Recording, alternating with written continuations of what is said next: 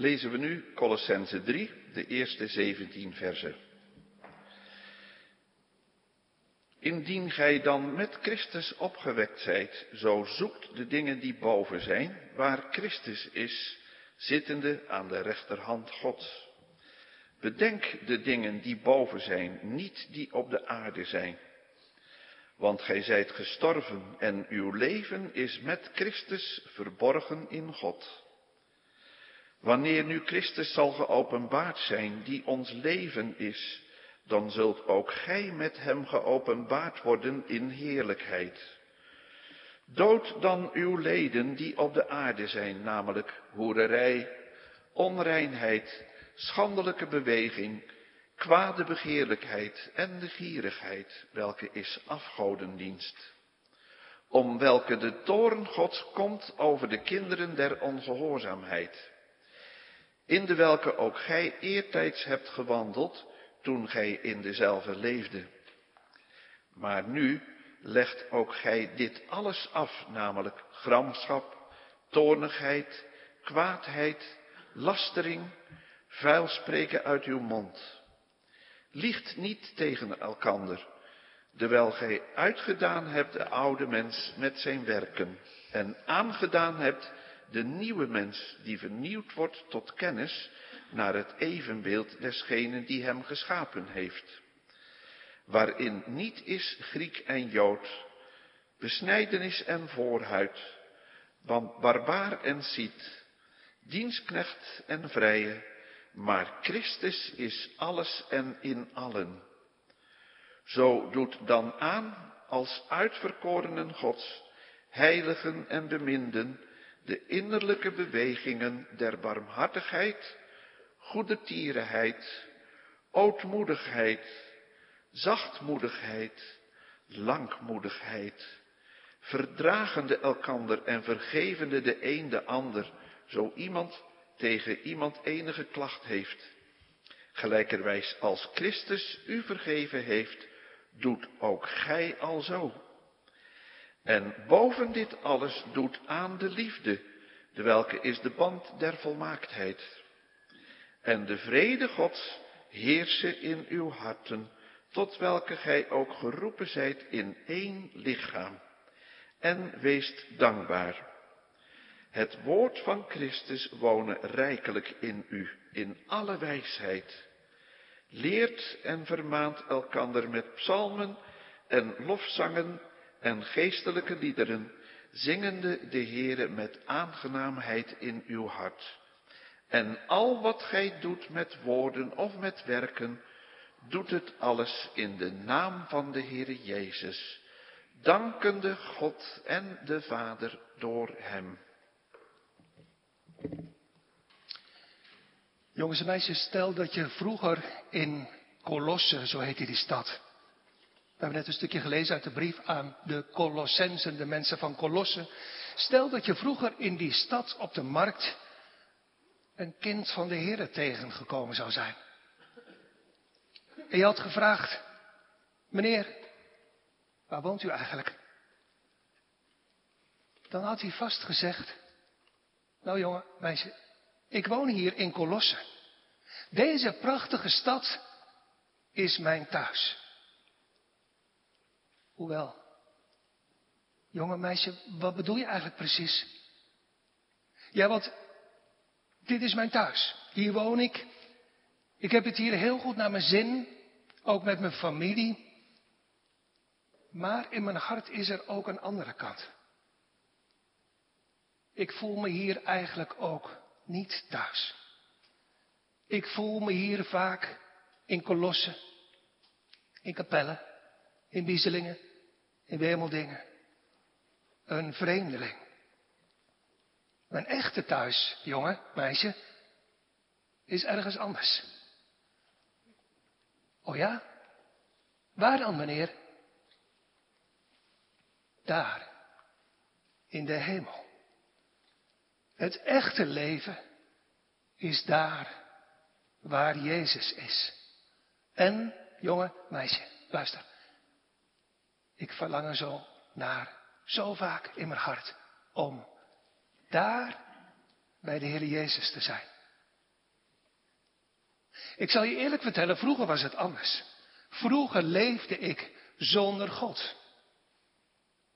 Maar op een gegeven moment, op Gods tijd, is uit Efeze, een stad hier ver vandaan, hier in Colosse, het evangelie van Gods genade gekomen. En toen is er in mijn hart een wonder gebeurd.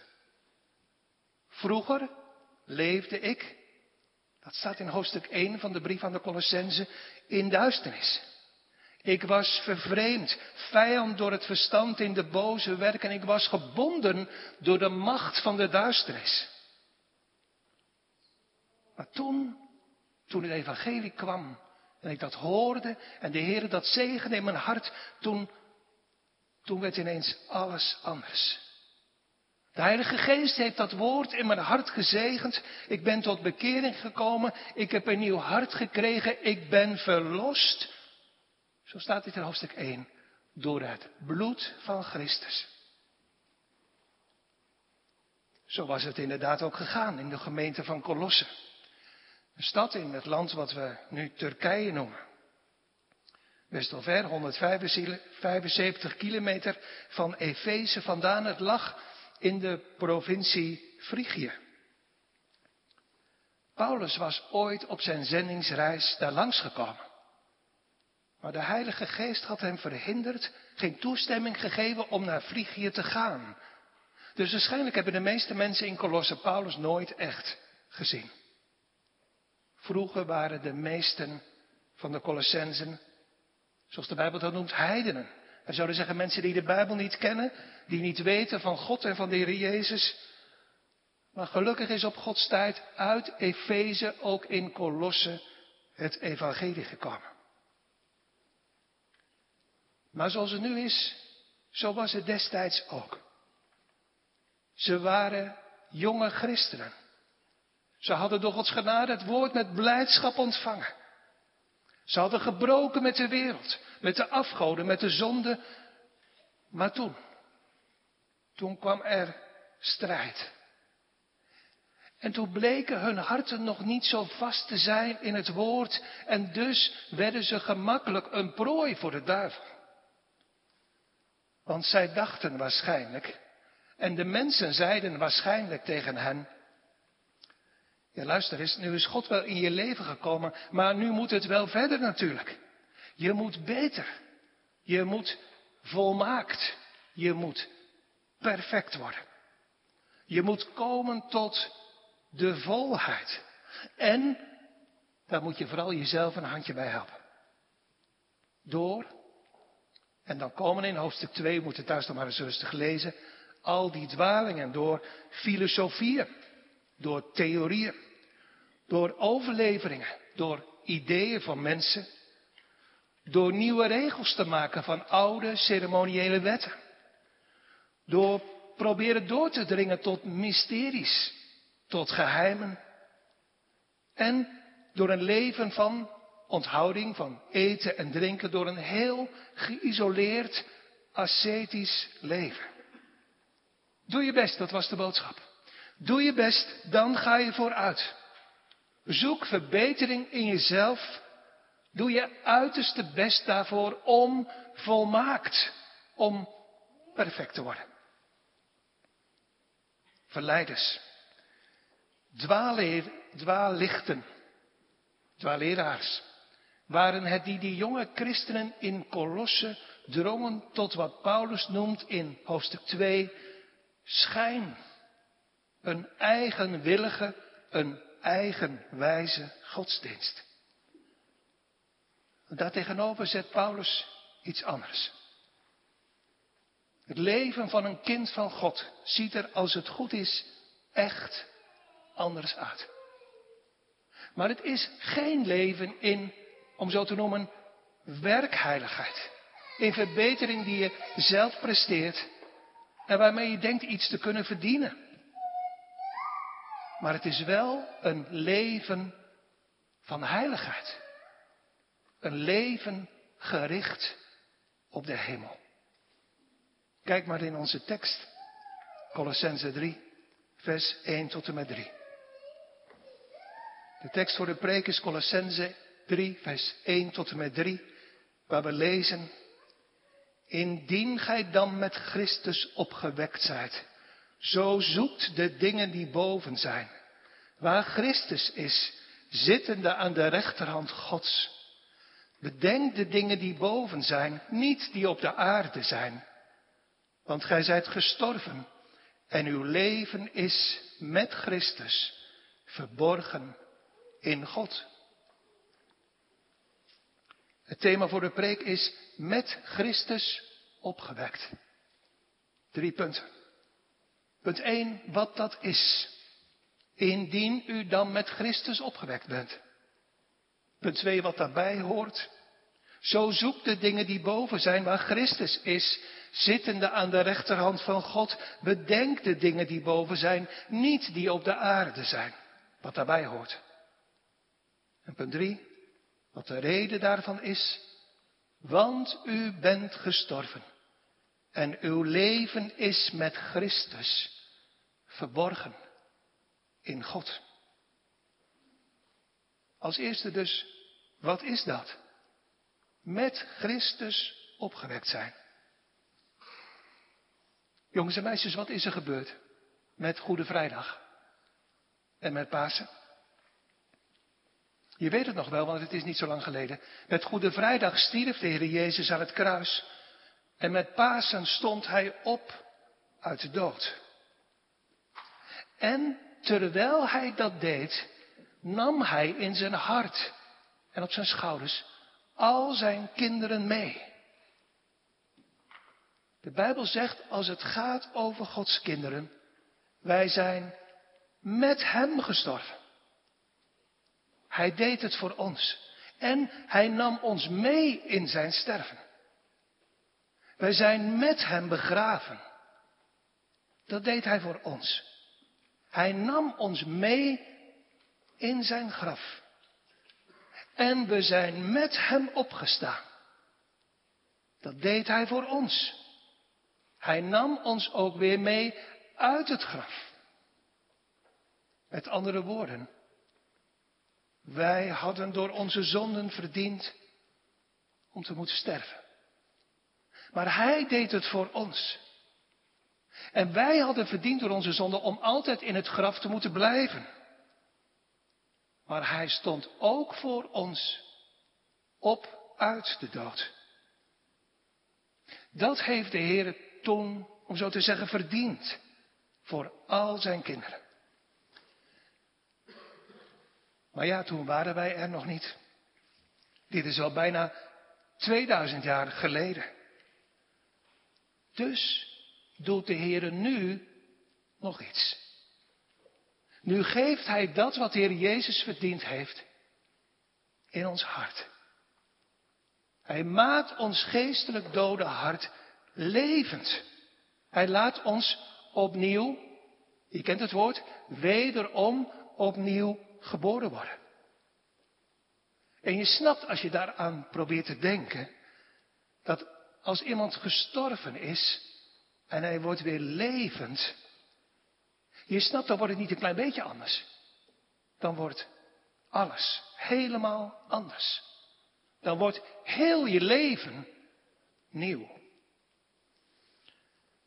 Maar de vraag is, en daar gaat deze tekst over vanmorgen, en daar gaat de brief over, de Colossensenbrief. Hoe wordt het dan precies anders? En wat wordt er dan precies anders? Want er waren toen mensen, en er zijn nu nog steeds mensen die zeggen, als je kind van de Heer geworden bent, dan moet je er zelf echt voor gaan zorgen dat je leven er perfect uitziet. Zorg dan misschien dat je helemaal alleen, dat je helemaal apart woont en dat je niets meer van de wereld ziet. Neem afstand van al die dingen. Dan word je door je eigen inspanning vanzelf beter, uiteindelijk volmaakt, perfect. Alleen als je dat probeert in te denken, dan zul je met mij zeggen, volgens mij werkt dat niet. Om dat zo te doen. Om dat zelf zo te doen. Want ja, je kan wel in een hutje op de hei gaan wonen. Maar je neemt de zonde van je hart mee naar de hei. En dus lukt het daar in dat hutje ook niet.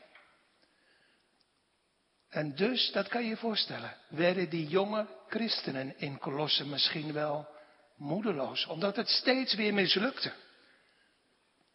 Maar wat erger is, ze vergaten het werk van de Heer in hun hart. Zo moet het dus niet. Zo wil de Heer het niet. Dat was een dwaling.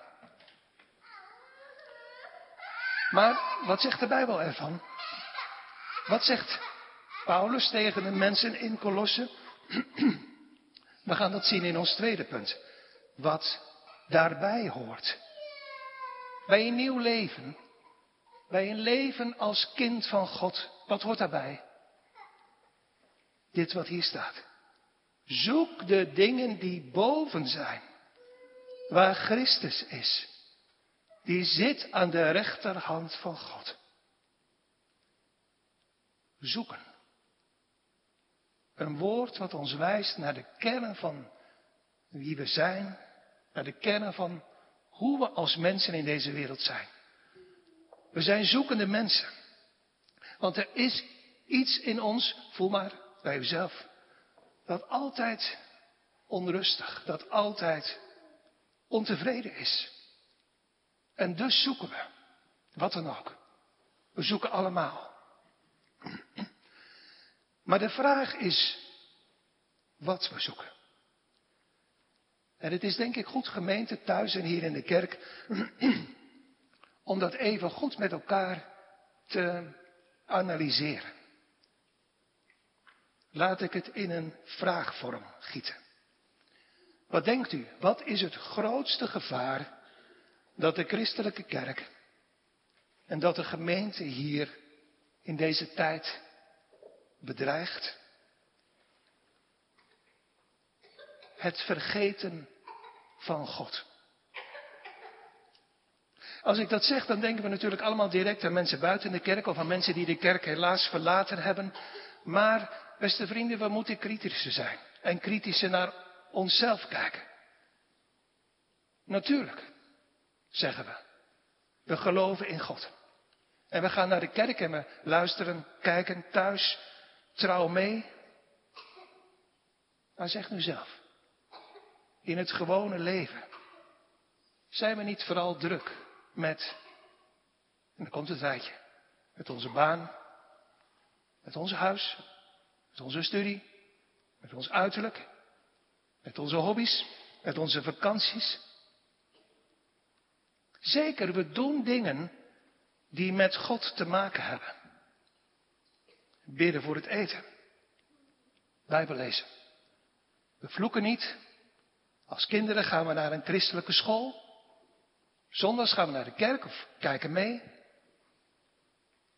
Maar vaak zonder, voelen ze in uw hart, zonder relatie met, zonder verlangen naar God.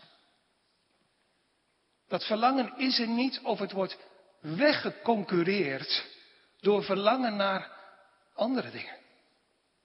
Geluk, gezelligheid, vriendschap, status, carrière, welvaart. Allemaal dingen die op zichzelf genomen niet per se zondig zijn. Maar ze zijn gericht op deze tijd. En God, oh ja, die is er wel voor geval van nood. Of herkent u dat niet? Kortom, we kijken naar beneden. We kijken naar nu en niet naar boven. Nog steeds zoekend. Ja, want we blijven mensen die onrustig zijn. Er blijft iets in ons wat altijd zoekt en wat ten diepste nooit echt tevreden is. Maar we zoeken het meer in de dingen van deze tijd. In tastbare spullen. In materie of in het beleven van dingen. Meer in het zichtbare dan in het onzichtbare. In het verlangen naar God. In het leven met God. Alsof het leven hier is. Maar lieve mensen, het leven is daar. Dat weet u toch? De Heer Jezus heeft toch zelf gezegd, deze wereld gaat voorbij. En dat is niet alleen, laten we niet wijzen, niet alleen het leven van buitenkerkelijke mensen, niet alleen het leven van onbekeerde mensen, dit is ook een gevaar voor iedereen die de Heere dienen en vrezen mag. De isolatie, de ascese uit de tijd van de gemeente van Colosse is in onze tijd verdrongen door, maar even gevaarlijk en misleidend, door genieten van. Maar als we nou eerlijk kijken naar ons dagelijkse leven, waar is God? Waar is ons verlangen naar Hem? Kinderen van God, geliefde mede-christenen, wij worden vooral aangesproken in de tekst van vanmorgen. Waar is God in ons leven? Op maandag, op dinsdag, op woensdag, op donderdag, op vrijdag, op zaterdag, ja zelfs op zondag. Ons verlangen naar God. Of is dit leven ons thuis? Is hier onze toekomst? Vandaar de aansporing van Paulus in vers 1. Zoekt de dingen die boven zijn waar Christus is, zittende aan de rechterhand van God. Zoek die, verlang daarnaar, zet uw gedachten daarop. Dit zegt dus iets over de richting van ons hart over ons verlangen. Paulus zegt als het ware, probeer dat te krijgen. Probeer dat te bereiken. Verlang naar, zoek naar de dingen die boven zijn, in de hemel. Waar Christus is. Die zit aan Gods rechterhand. Met andere woorden, zoek in plaats van al die dingen van u waar je zo fijn van kunt genieten.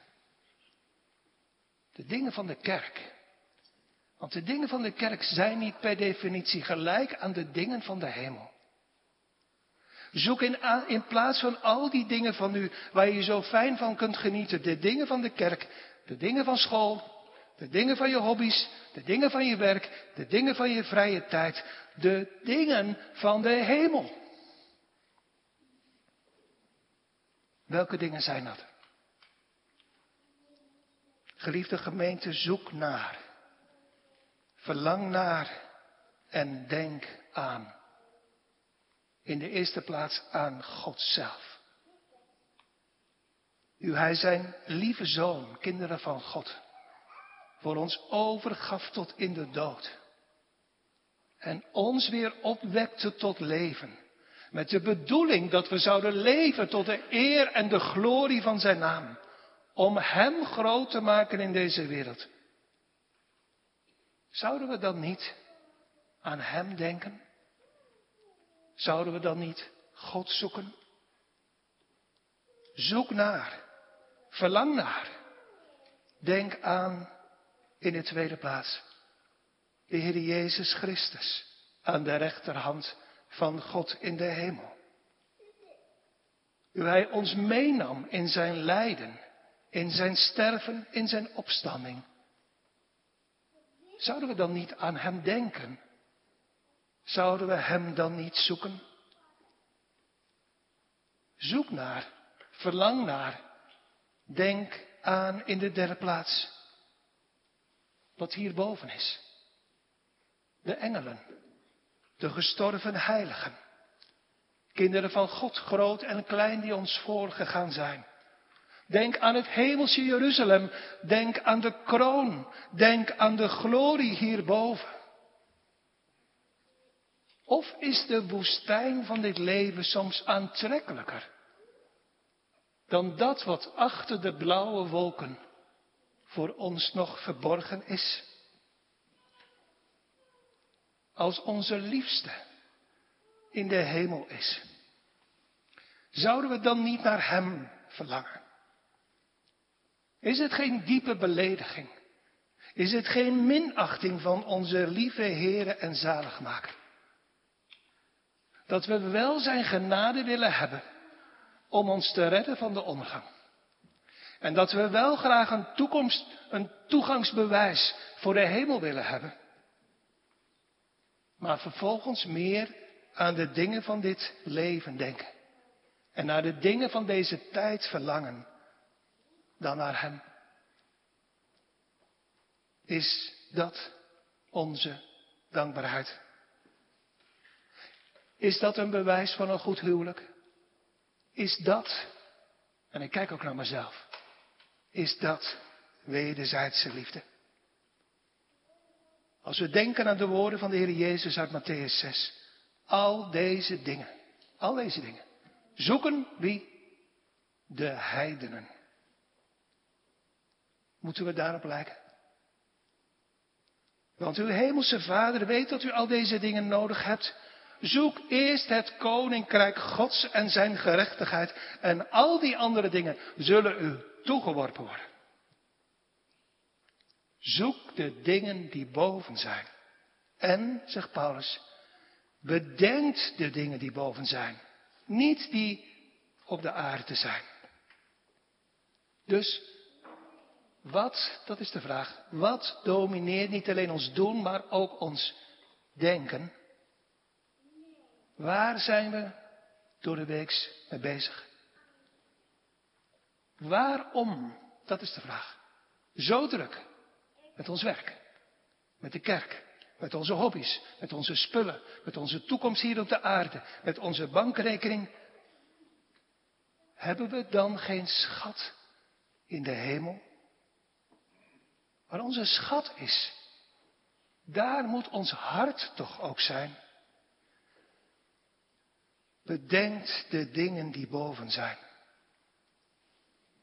Geliefde gemeente, kinderen van God, laat ons hart zijn waar onze Heer is, die onze hoop is.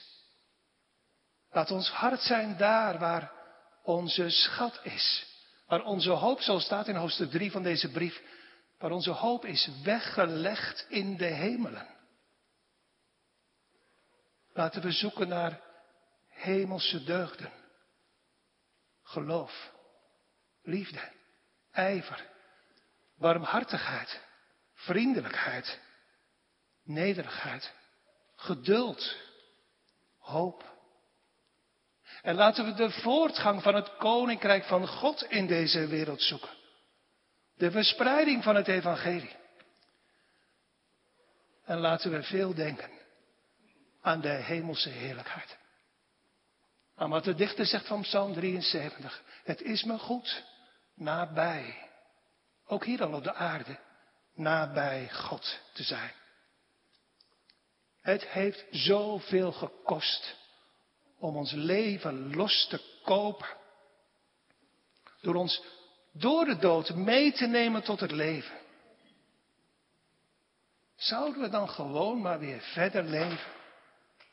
Voor onszelf en voor onze toekomst hier op de aarde. Zullen we dan, dat is het gevaar wat dreigt, met de vrouw van Lot toch weer achterom kijken naar de dingen die we hadden moeten achterlaten? Heb, lieve vrienden, de wereld niet lief. Nog hetgeen in de wereld is, zegt Johannes. Zo iemand de wereld lief heeft. De liefde van de Vader is niet in hem of haar. Gemeente thuis en hier, we zijn nog even bezig met het tweede punt wat daarbij hoort. Wat hoort bij een nieuw leven? Wat hoort bij een wedergeboren mens, die opnieuw levend gemaakt is met Christus, door het werk van de Heilige Geest in het hart. Wat daarbij hoort, een nieuw leven, een nieuwe richting, een nieuw verlangen. Naar boven gericht en niet naar beneden gericht. Zoek de dingen die boven zijn, waar Christus is. Die zit aan de rechterhand van God. Bedenk die dingen die boven zijn. En niet die dingen die op de aarde zijn. Misschien zegt u, ja, daar, daar schort het wel aan in mijn leven. Wat kan ik daaraan doen om, om dat te veranderen? Ja, dat is wel de verleiding die op de loer ligt. Dat dat het derde punt wordt van de preek. Wat moeten wij daaraan doen? En toch is dat geen logische vraag. Om twee redenen. Als eerste is er ooit iets terechtgekomen van ons doen, van ons presteren. En als tweede, het gaat hier om de richting van ons hart. Het gaat hier om verlangen. Het gaat om liefde. Hebt u ooit tegen uw man of vrouw gezegd, schat, wat moet ik doen om meer van je te houden? Om meer aan je te denken? Ik geloof er niets van. Doen leidt namelijk niet tot liefde.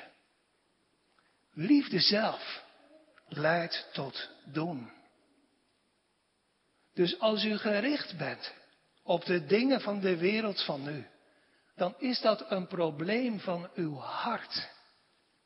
Dan is dat een probleem van uw liefde, van uw verlangen en niet in de eerste plaats een probleem van uw doen. Uw hart is waar uw schat is.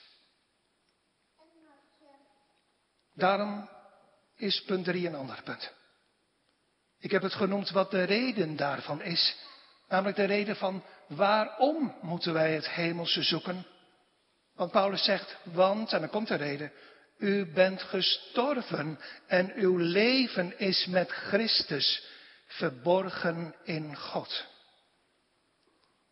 Want u bent gestorven.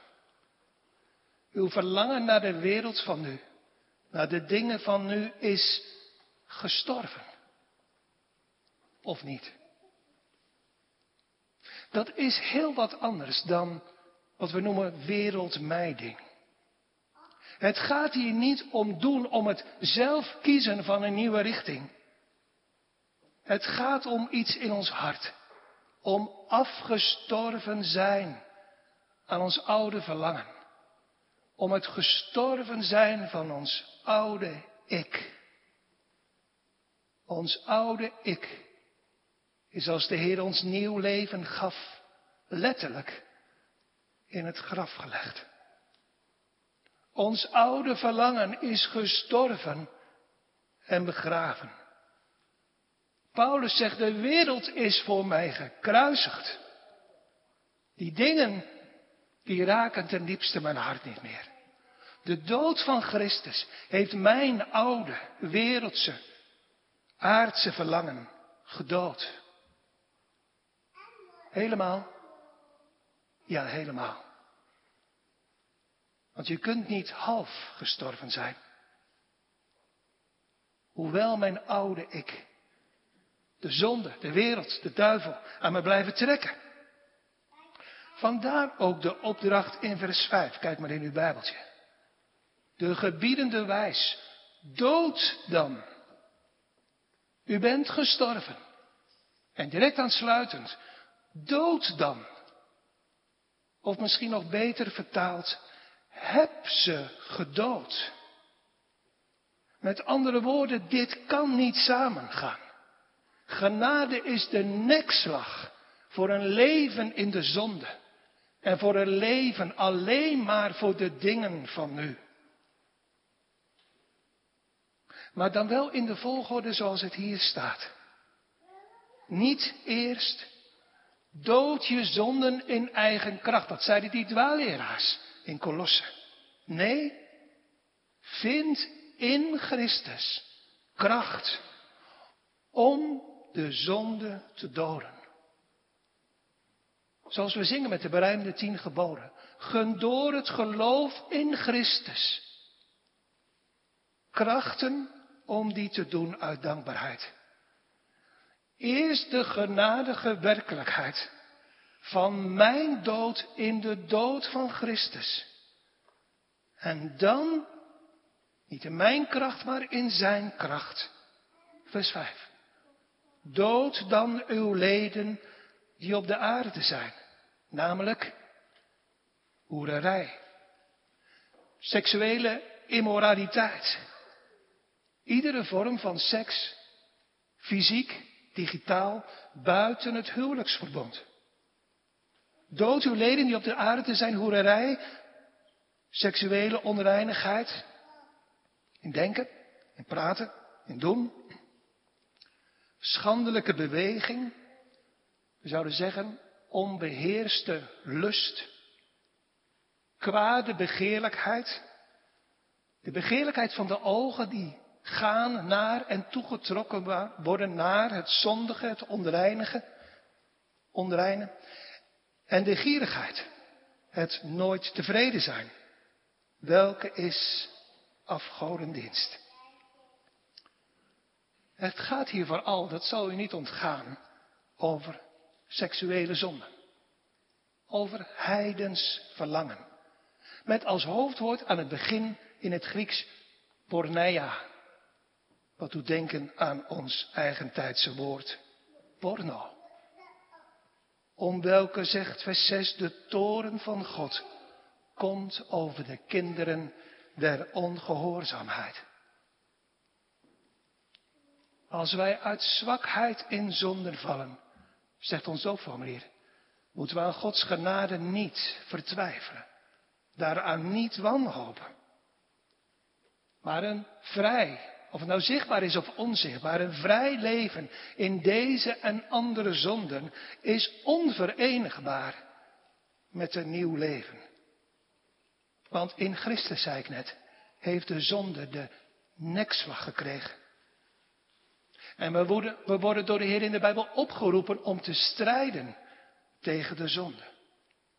Maar nooit vergeten, door de kracht van Christus.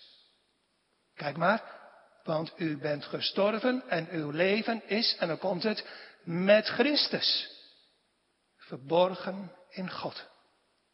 Met andere woorden, Paulus zegt, kinderen van God in Kolossen, u bent met Christus, u bent opgeborgen in Hem.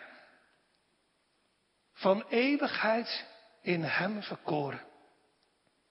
Eén met Hem geworden. In zijn dood en opstanding. En door de Heilige Geest, door het geloof, met de levende band aan Hem verbonden. En dus geborgen in Hem.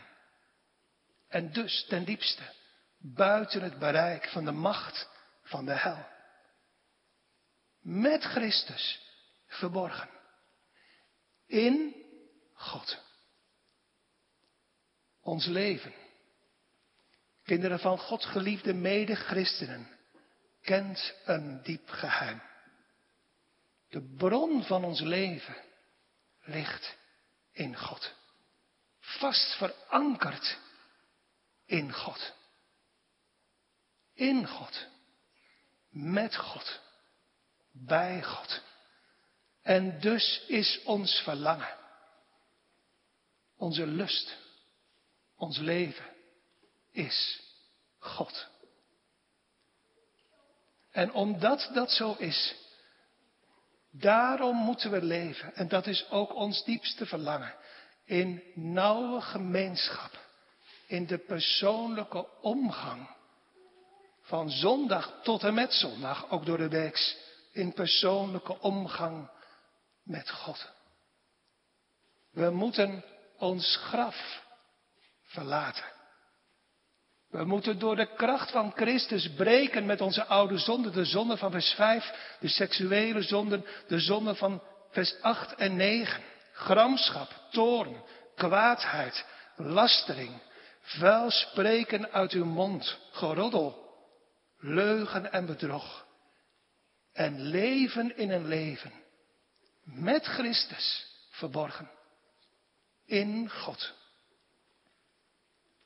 Dat is niet hetzelfde als dagelijks even een vluchtige blik in je Bijbel slaan en even snel bidden. Dat is wat ons doopformulier noemt. De Heere aanhangen, aankleven, vastgeplakt zijn aan de Heere. Met een waarachtig geloof, vaste hoop en vurige liefde. Het is een leven met, het, met de woorden van de dichter op de lippen en in de praktijk van het hart. Wie heb ik nevens u in de hemel? Nevens u lust mij ook niets op de aarde. Het is een, ons met Hanna, u weet wat de moeder van Samuel, ons verheugen in God. Het is ons dagelijks vermaak zoeken, ook onder het werk, in de dingen van de hemel. Het is een zoeken door de kracht van Christus van hemelse gaven, zoals die staan in vers 12 tot en met 16. Doet aan de innerlijke bewegingen van barmhartigheid, goede tierenheid, ootmoedigheid, zachtmoedigheid. Het is allemaal te zien en te merken aan je leven, of niet? Lankmoedigheid, verdragende elkaar en vergevende de een de ander, zo iemand enige klacht heeft. Zoals Christus u vergeven heeft, zegt Paulus, doet ook u al zo. En boven dit alles doet aan de liefde, de welke is de band der volmaaktheid. En de vrede Gods, wat een gelukkig leven. Heersen in uw harten, tot welke gij ook geroepen zijt in één lichaam, en wees dankbaar. Het woord van Christus wonen rijkelijk in u, in alle wijsheid. Leert en vermaant elkaar met psalmen en lofzangen en geestelijke liederen, zingende de Heere met aangenaamheid in uw hart. Want u bent gestorven aan andere dingen. En uw leven is met Christus verborgen in God. En dus is ons leven ten diepste ook buiten gevaar. Want God zal ons bewaren voor verzoeking en verleiding. Het is niet zo dat ons proberen, ons strijden, ons doen, ons zal beschermen tegen de zon.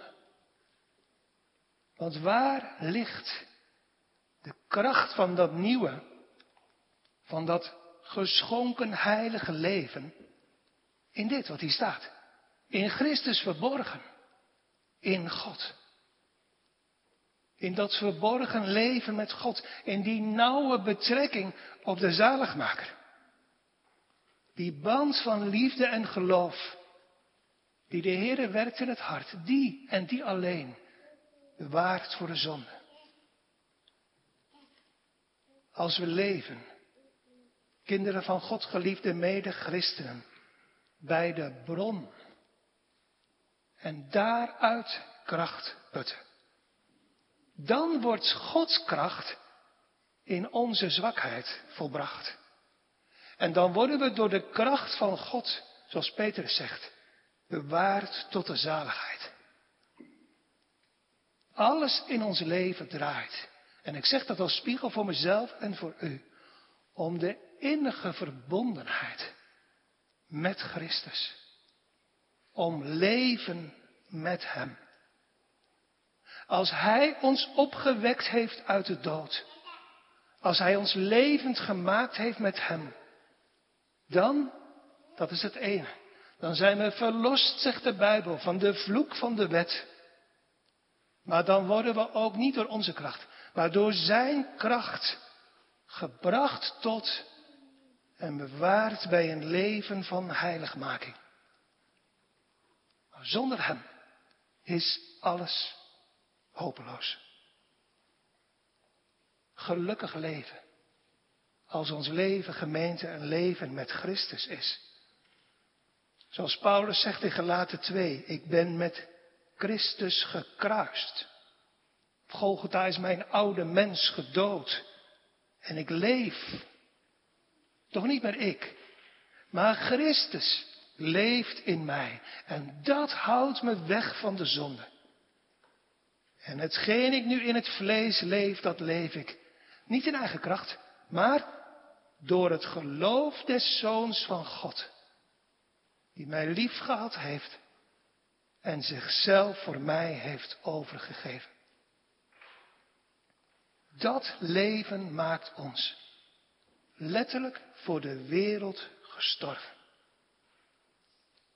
En dus doet ook het verdriet van dit leven ons minder pijn. Want ons echte leven ligt in een andere wereld. Ja, als er tegenspoed is, mogen we ons, als de Heer ons die genade geeft, met Habakkuk zelfs in de Heere verblijden. U zegt, ja, dat moet je allemaal maar gegeven worden. Luister. Zegt de Heer dat ook als Hij tegen u zegt, onbekeerde vrienden, zoekt eerst het koninkrijk van God? En zegt Paulus dat hier, als hij zegt, zoekt gebiedende wijs de dingen die boven zijn? Waarom zegt u het dan? En waarom hoor ik dat regelmatig zeggen? Terwijl u ondertussen toch gewoon doorgaat met het verlangen naar de dingen van nu. Alsjeblieft, lieve mensen, gebruik uw dogmatiek niet als zelfmoordwapen.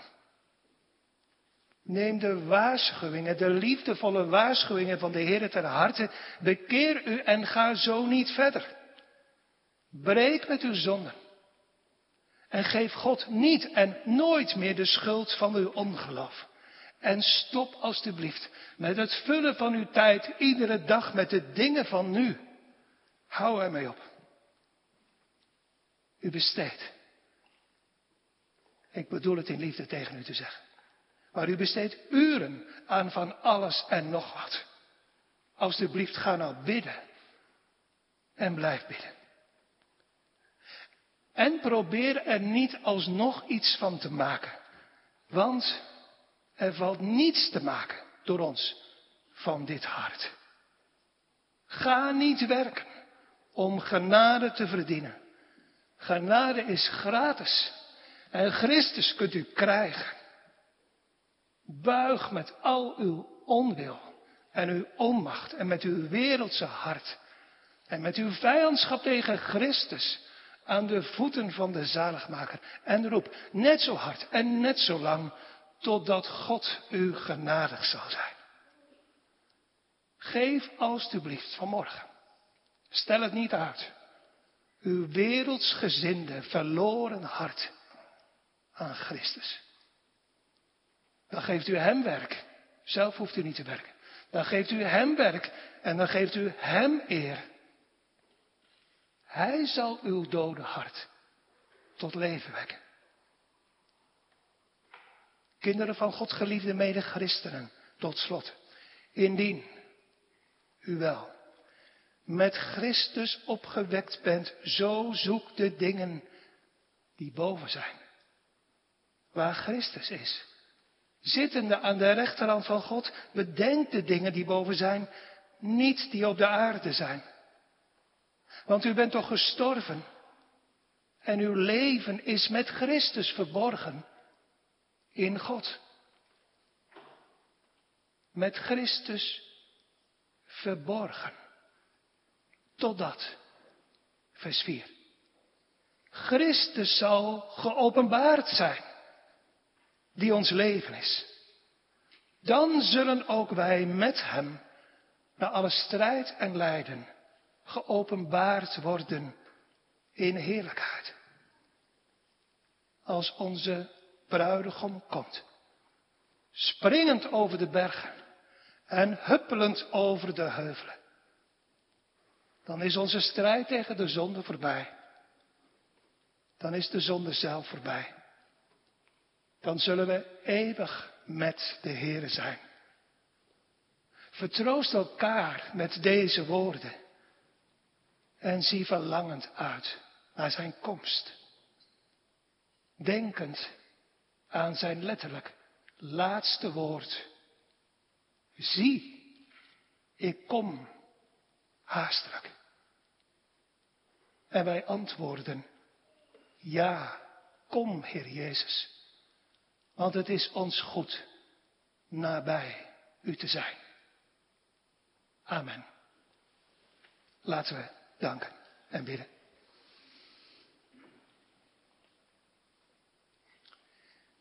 Heren, wilt u ons hart, wat zo kan kleven aan de dingen van deze wereld, door uw genade meer en meer vast laten kleven aan u, aan uw Vader, aan de Heilige Geest, aan de plaats waar u bent, aan de hemelse heerlijkheid. Doe ons hart, Heer, toch verlangen naar het hemelse. Naar de plaats waar we u eeuwig de lof mogen toebrengen. Wat hier zo niet wil, omdat ons hart ons zo in de weg zit. En wat hier zo gebrekkig is. U hebt het ons beloofd, Heer. Tot u onze plaats klaar maakt in de hemel. Dat mogen we door uw genade straks volkomen doen. Geef dat dat, Heer, dat vooruitzicht ons leven zal veranderen. Geef ons meer verlangen, Heer. Meer geloof. Meer hoop. Meer vrede van U. Geef dat onze harten letterlijk in de hemel zullen wandelen, terwijl onze voeten op de aarde lopen. Bekeer ieder, Heer, die leeft met een ander levensdoel. Allemaal gericht op nu. Op de kerk, op school, op werk, op andere dingen. Zonder een diep verlangen in het hart naar u, Heer. O, wat is hun toestand gevaarlijk. Mensen om ons heen vallen weg. En we kunnen vandaag de volgende zijn. Om voor uw rechte stoel te staan. Zonder een enkel antwoord. Dan alleen dit antwoord, Heere. Ik heb nooit naar u geluisterd. Ik heb geleefd voor mezelf. Ach, lieve Heere in de hemel. Bekeer toch de onbekeerde harten in ons midden. Breek de liefde tot de zonde. Verzoen zware schuld en breng tot dat gelukkige leven met u. Wat in alle strijd en verdriet van dit leven, het blijdschap en verlangen omhoog kijkt en zegt, kom Heer Jezus, ja kom haastiglijk. Amen.